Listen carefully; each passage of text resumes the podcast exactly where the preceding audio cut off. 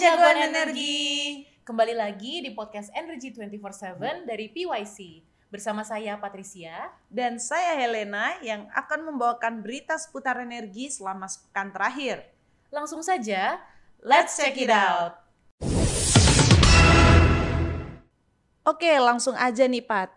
Kita berikan berita terhangat dari harga komoditas energi untuk jagoan energi kita. Mantap. Sebagai berita pembuka dari harga minyak, rata-rata Indonesian Crude Price atau ICP di bulan Maret menggunakan harga bulan Februari yaitu sebesar 95,72 US dollar per barel. Dan per tanggal 31 Maret 2022 lalu, harga minyak West Texas Intermediate atau kita kenal WTI berada di angka 102,62 US dollar per barel. Sedangkan harga minyak Brent berada di level 108,99 US dollar per barel. Nah selanjutnya nih jagoan energi, kita juga nggak mau ketinggalan harga batu bara.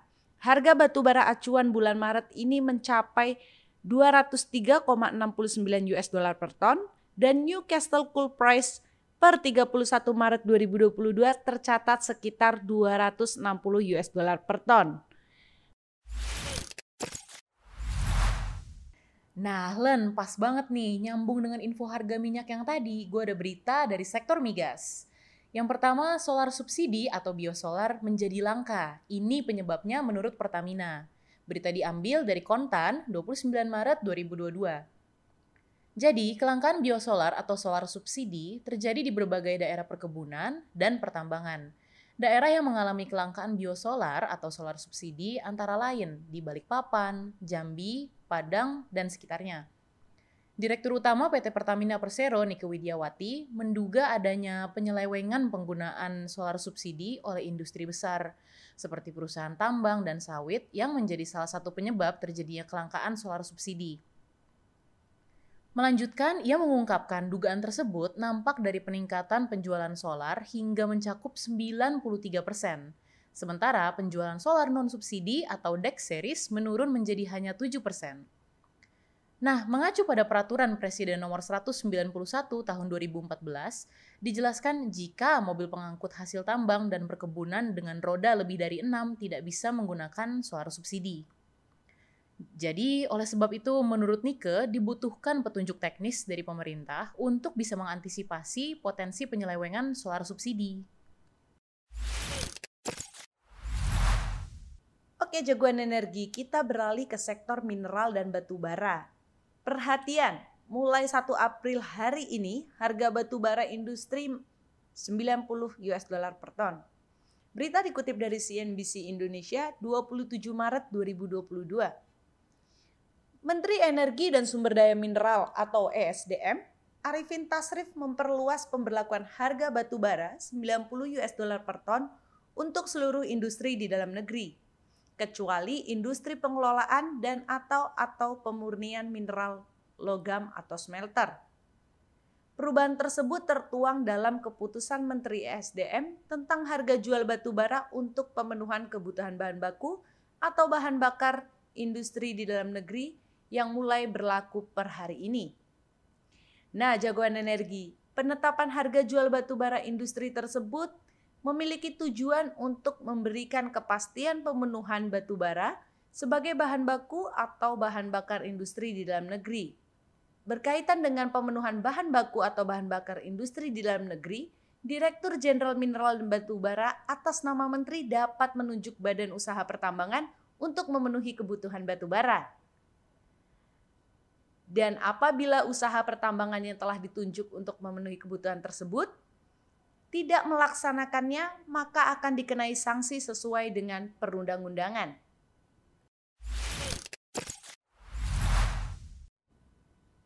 Wih, berita lo menarik banget, Len. Jadi harga batu bara ini per 1 April yaitu hari ini ya?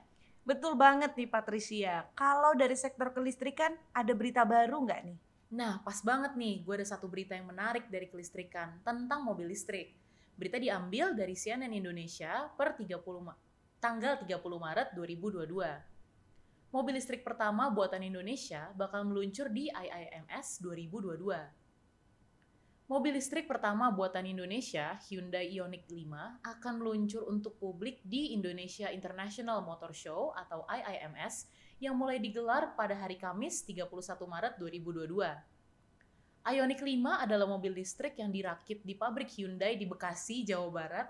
Pabrik ini juga telah melahirkan mobil produksi lokal pertama Hyundai, yaitu kereta. Ioniq 5 menjadi spesial sebab peluncurannya dilakukan orang nomor satu di Indonesia, yaitu Bapak Presiden Joko Widodo. Dalam momen tersebut, Jokowi menyebut kehadiran Ioniq 5 sangat ditunggu-tunggu karena dia menanti transisi besar-besaran dari mobil berbahan bakar fosil ke mobil listrik yang lebih ramah lingkungan.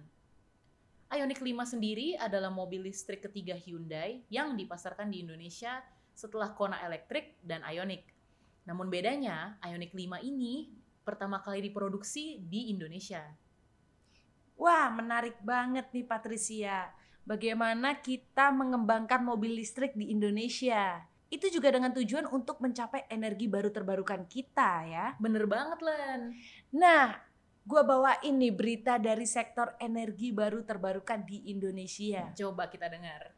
PLN klaim mampu hasilkan 96.000 megawatt listrik hijau dari 28 PLTU. Berita dikutip dari Kompas 30 Maret 2022. PT PLN Persero mengeklaim dapat menghasilkan 96.000 listrik hijau hingga bulan Februari lalu. Listrik hijau tersebut dari teknologi co-firing lewat pencampuran serbuk kayu hingga sampah atau biomasa dengan batu bara pada 28 pembangkit listrik tenaga uap atau PLTU. Nah, jagoan energi. Sebagai informasi sepanjang tahun lalu, total emisi karbon yang berhasil ditekan melalui co-firing mencapai 268 ribu ton karbon dioksida. Wah, banyak sekali ya Patricia. Iya banyak banget tuh jumlahnya. Terus gimana dong? Sementara nih, hingga Februari tahun ini perseroan mampu menekan emisi gas buang hingga 96 ribu ton melalui co-firing.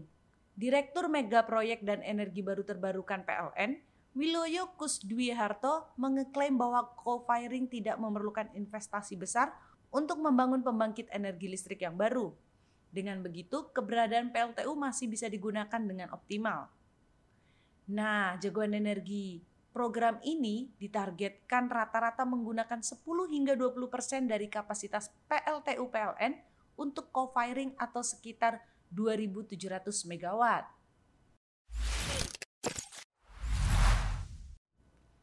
Oke jagoan energi, kita udah dengar dari sektor kelistrikan. Kali ini kita ambil dari sektor energi baru terbarukan. Kadin sebut instrumen investasi EBT lebih menarik bagi peserta teks amnesti jilid 2. Berita dikutip dari Kontan 28 Maret 2022. Wajib pajak yang mengikuti program teks amnesti jilid 2 bisa memilih penempatan dana investasinya dengan berbagai instrumen. Salah satunya penempatan secara langsung pada perusahaan yang bergerak di bidang hilirisasi sumber daya alam atau energi baru terbarukan. Ketua Kamar Dagang dan Industri atau Kadin DKI Jakarta, Diana Dewi mengungkapkan instrumen investasi pada EBT ini menjadi daya tarik tersendiri bagi pengusaha, terutama jika pengusaha yang memiliki usaha terkait EBT.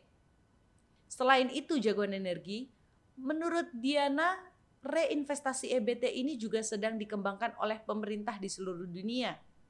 Diketahui, untuk berinvestasi di bidang EBT dapat menghasilkan keuntungan ekonomi 3 hingga 8 kali lipat dari investasi awal. Terlebih, saat ini kondisi bahan bakar fosilnya masih melambung sangat tinggi. 332 kegiatan usaha sektor pengelolaan sumber daya alam dan sektor energi baru terbarukan sebagai tujuan investasi akan mendapatkan tarif pajak yang paling rendah. Nah, jagoan energi, untuk meneruskan dari topik energi baru terbarukan, kita masuk ke berita tentang perubahan iklim. Berita diambil dari Kompas 29 Maret 2022 pemerintah tunda penerapan pajak karbon jadi bulan Juli 2022. Nah, jagoan energi, pemerintah akan menunda penerapan pajak karbon. Dari awalnya akan diberlakukan pada tanggal 1 April 2022 atau hari ini ditunda menjadi bulan Juli 2022. Kepala Badan Kebijakan Fiskal, Febrio Kacaribu, mengatakan penundaan ini dilakukan lantaran pemerintah ingin menyiapkan aturan turunan yang konsisten dan lebih baik.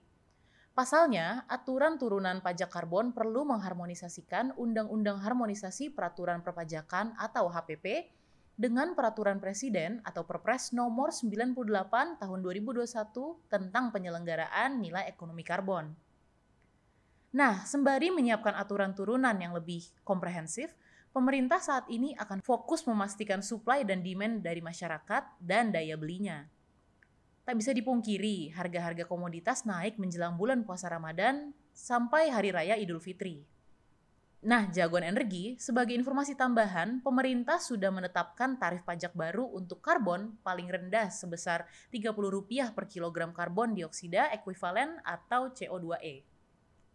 Jangan beranjak dulu, kita masih ada berita dari perubahan iklim nih, jagoan energi. PLN klaim mampu menghasilkan 96.000 MW listrik hijau dari 28 PLTU. Berita dikuntip dari Kompas 30 Maret 2022. PT PLN Persero mengeklaim dapat menghasilkan 96.000 listrik hijau hingga bulan Februari lalu. Listrik hijau tersebut dari teknologi co-firing lewat pencampuran serbuk kayu hingga sampah atau biomasa dengan batu bara pada 28 pembangkit listrik tenaga uap. Sepanjang tahun lalu nih jagoan energi, total emisi karbon yang berhasil ditekan melalui co-firing mencapai 268 ribu ton karbon dioksida. Sementara hingga Februari tahun ini, perseroan mampu menekan emisi gas buang hingga 96 ribu ton melalui co-firing. Direktur Mega Proyek dan Energi Baru Terbarukan PLN, Wiloyo Kusdwiharto, mengeklaim bahwa co-firing tidak memerlukan investasi besar untuk pembangunan pembangkit energi listrik yang baru. Dengan begitu, keberadaan PLTU masih bisa digunakan dengan optimal. Program ini ditargetkan rata-rata menggunakan 10 hingga 20 persen dari kapasitas PLTU PLN untuk co-firing atau sekitar 2.700 MW. Jagoan energi, sebelum kita akhiri, kita ada info yang menarik nih. Apa tuh, Pak? Jadi, PYC akan mengadakan lomba esai dan poster untuk tingkat SMA. Untuk info lebih lengkapnya bisa langsung cek aja sosial medianya PYC. Nah, untuk jagoan energi yang ingin mendapatkan informasi-informasi menarik seperti lomba poster dan isa yang disebutkan Patricia, bisa langsung follow seluruh sosial media PYC ada di Instagram, YouTube, LinkedIn, Twitter, dan website kita nih pastinya. Nah, sekian dari Energi 24/7 minggu ini. Stay safe and see you next week.